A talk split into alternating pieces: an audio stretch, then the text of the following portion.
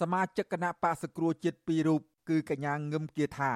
និងលោកញឹមកំញុលប្រកាសមិនទទួលស្គាល់សាលក្រមផ្ដន់ទាទោសកំបាំងមុខរបស់សាលាដំបងខេត្តប្រសែននុនោះទេពួកគាត់រិះគន់ថា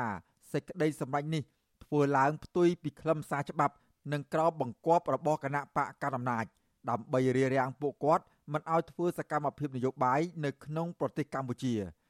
អនុប្រធានយុវជនគណៈបកសង្គ្រោះជាតិខេត្តប្រសេនុ ដែលកំពុងភៀសខ្លួននៅប្រទេសកាណាដាកញ្ញាងឹមគាថាថ្លែងថា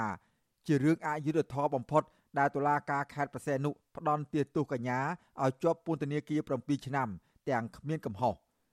ទោះយ៉ាងណាកញ្ញាបញ្ជាក់ថាសាលក្រមនេះមិនបានធ្វើឲ្យកញ្ញាតក់ស្លុតឡើយហើយនៅតែបដិញ្ញាចូលរួមតស៊ូជាមួយនឹងគណៈបកសង្គ្រោះជាតិដើម្បីស្ដារលទ្ធិប្រជាធិបតេយ្យនិងការគោរពសិទ្ធិមនុស្សឡើងវិញ។ និយាយត្រង់ទៅរាល់ថ្ងៃហ្នឹងមិនដឹងគួរនិយាយថាខ្លួនឯងជាជនជាតិខ្មែរតទៅទៀតអត់ទេព្រោះគេបានដកសញ្ជាតិខ្ញុំចិត្ត2ឆ្នាំទៅហើយខ្ញុំគាត់តែមានឈ្មោះថាជាជនជាតិខ្មែរហើយវាអយុត្តិធម៌មែនតើព្រោះខ្ញុំមិនបានធ្វើអ្វីតាមការចោទប្រកាន់របស់គេទេខ្ញុំគ្រាន់តែបើតាមលទ្ធិវិជាធិបតេយ្យគឺជ្រើសរើសបាក់មួយដែលខ្លួនឯងពេញចិត្តដើរទៅតាមគោលការណ៍នយោបាយមួយគឺលទ្ធិប្រជាធិបតេយ្យតែប៉ុណ្ណោះនាងខ្ញុំមិនបានទៅលុកជាតិមិនបានទៅបំផ្លាញផលប្រយោជន៍អ្វីរបស់ជាតិនោះទេហើយរឿងដែលកាត់ក្តីនោះទៀតនាងខ្ញុំមិនបានទទួលដំណឹងនេះស្គាល់តែសោះក្នុងនាមខ្ញុំជាសម័យខ្លួនចុងជាប់ចោតជាមួយគ្នានេះអនុប្រធានក្រុមការងារខេត្តប្រសេនុនិងជាសមាជិកគណៈកម្មាធិការនយោបាយគណៈបកសង្គ្រោះជាតិលោកញឹមកំញុលមានប្រសាសន៍ថា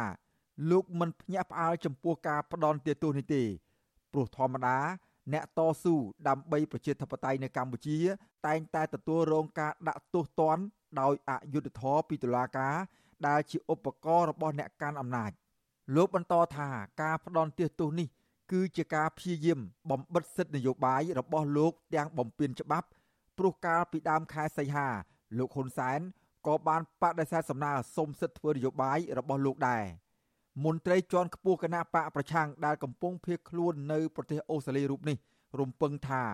អ្នកនយោបាយបកប្រឆាំងទាំងអស់នឹងរួចផុតពីការចោទប្រកាន់ហើយមានសិទ្ធិធ្វើនយោបាយឡើងវិញ នៅពេលមានការចរចានយោបាយ។ ខ្ញុំមិនភ្ញាក់ផ្អើលទេចំពោះថាខ្ញុំក្បត់ជាតិខ្ញុំមិនដែលទៅកាប់បំផ្លាញព្រៃឈើឬកាត់ដីឲ្យយួនឬក៏បំផ្លាញធនធានធម្មជាតិអីទេបាទខ្ញុំមានតែការតស៊ូដើម្បីលទ្ធិប្រជាធិបតេយ្យនៅក្នុងប្រទេសកម្ពុជាតែប៉ុណ្្នឹងទេបាទបាទគេធ្វើដើម្បីកុំឲ្យយើងទៅចូលរួមធ្វើនយោបាយកើតពីព្រោះគេដឹងថាបើយើងចូល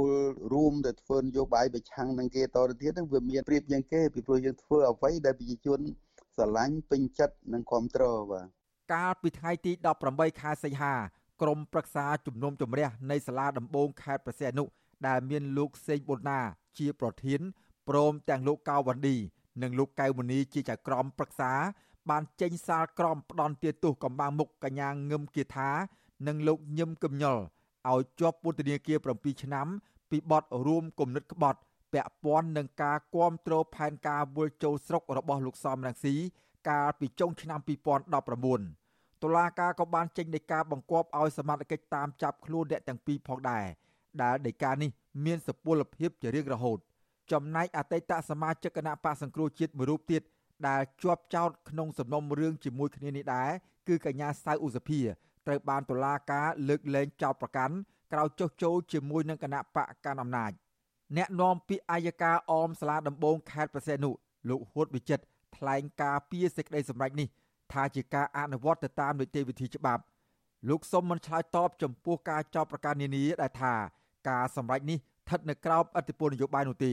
ប៉ុន្តែលោកថាប្រសិនបើជនជាប់ចោទមិនពេញចិត្តអាចប្តឹងទាស់ទៅតុលាការជាន់ខ្ពស់ទៀតបាន តុលាការបានគោរពតាមកិច្ចនីតិវិធីរួចរាល់ហើយពួកគាត់ក៏មានមេធាវីដែលតុលាការចាត់តាំងនៃការពារសិទ្ធិរបស់ពួកគាត់ដែរដោយឡែកការងារផ្សេងអានេះខ្ញុំខ្ញុំឆ្លើយអត់បានដោយខ្ញុំអត់ដឹងអញ្ចឹងទោះយ៉ាងណាសមាជិកគណៈបកប្រឆាំងទាំងពីររូបសម្រេចមិនដាក់បណ្ដឹងឧទ្ធរណ៍នោះទេ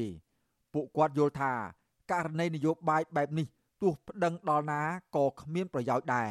ពលគឺបានត្រឹមតែខាតពេលវេលាប៉ុណ្ណោះ ជុំវិញរឿងនេះនាយករងទទួលបន្ទុកផ្នែកឃ្លាំមើលសិទ្ធិមនុស្សនៃអង្គការលីកាដូលោកអមសំអាត មានប្រសាសន៍ថា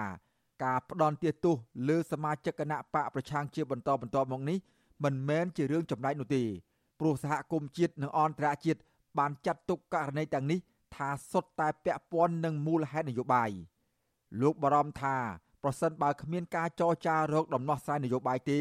សមាជិកបកប្រឆាំងជាច្រើនទៀត នឹងប្រឈមការកាត់ទោសដូចដូចគ្នានេះដែររឿងអតីតកម្មជនគណៈបកប្រឆាំងក្តីរឿងពាក់ព័ន្ធរឿងនយោបាយក្តីតាមការសង្កេតរបស់យើងតាំងពីដើមមកប្រសិនជាមានការចរចាដោះស្រាយផ្នែកនយោបាយអានឹងអ្នកដែលត្រូវបានជាប់ឃុំខ្លួនឬការចោទប្រកាន់ទាំងឡាយហ្នឹងអាចនឹងត្រូវបានដោះលែងនិងលើកលែងចោទប្រកាន់ឬក៏ដោះលែងនៅក្រៅឃុំអញ្ចឹងណាគិតមកដល់ខែសីហានេះតុលាការរបបលោកហ៊ុនសែន បានផ្ដន់ទាទោសសមាជិកគណៈបកសង្គ្រោះជាតិជាង20នាក់ឲ្យជាប់ពន្ធនាគារពី5ឆ្នាំទៅ7ឆ្នាំ ក្រោមបទចោទរួមគំនិតក្បត់ ក្នុងចំណោមអ្នកដែលត្រូវបានផ្ដន់ទាទោសទាំងនោះ មួយចំនួន កំពុងជាប់ឃុំនៅក្នុងពន្ធនាគារដូចជាលោកគង់សំអាន និងអ្នកស្រីប៉ែនមុំជាដើមខណៈមនុស្សមួយចំនួនទៀតកំពុងភៀសខ្លួននៅក្រៅប្រទេស ក្នុងបទចោទរួមគំនិតក្បត់នេះដដែល មានជនជាប់ចោទរាប់រយនាក់ទៀត ដោយករណីខ្លះតុលាការគ្រងបន្តសវនាការនាពេលខាងមុខនិងករណីខ្លះទៀតហាក់ត្រូវបានគេផ្អឹបទុកសហគមន៍ជាតិនិងអន្តរជាតិរួមទាំងទីភ្នាក់ងាររបស់អង្គការសហប្រជាជាតិផង នៅតែទាមទារឲ្យរបបលោកហ៊ុនសែនបញ្ឈប់ប្រើប្រាស់ប្រព័ន្ធតុលាការដើម្បីគំទេចគណៈបកប្រឆាំងនិងទាមទារឲ្យដោះលែងអ្នកជាប់ឃុំក្នុងសំណុំរឿងនយោបាយទាំងអស់ឲ្យមានសេរីភាពមកវិញខ្ញុំបាទសេកបណ្ឌិត វិទ្យុអាស៊ីសេរីពីរដ្ឋធានី Washington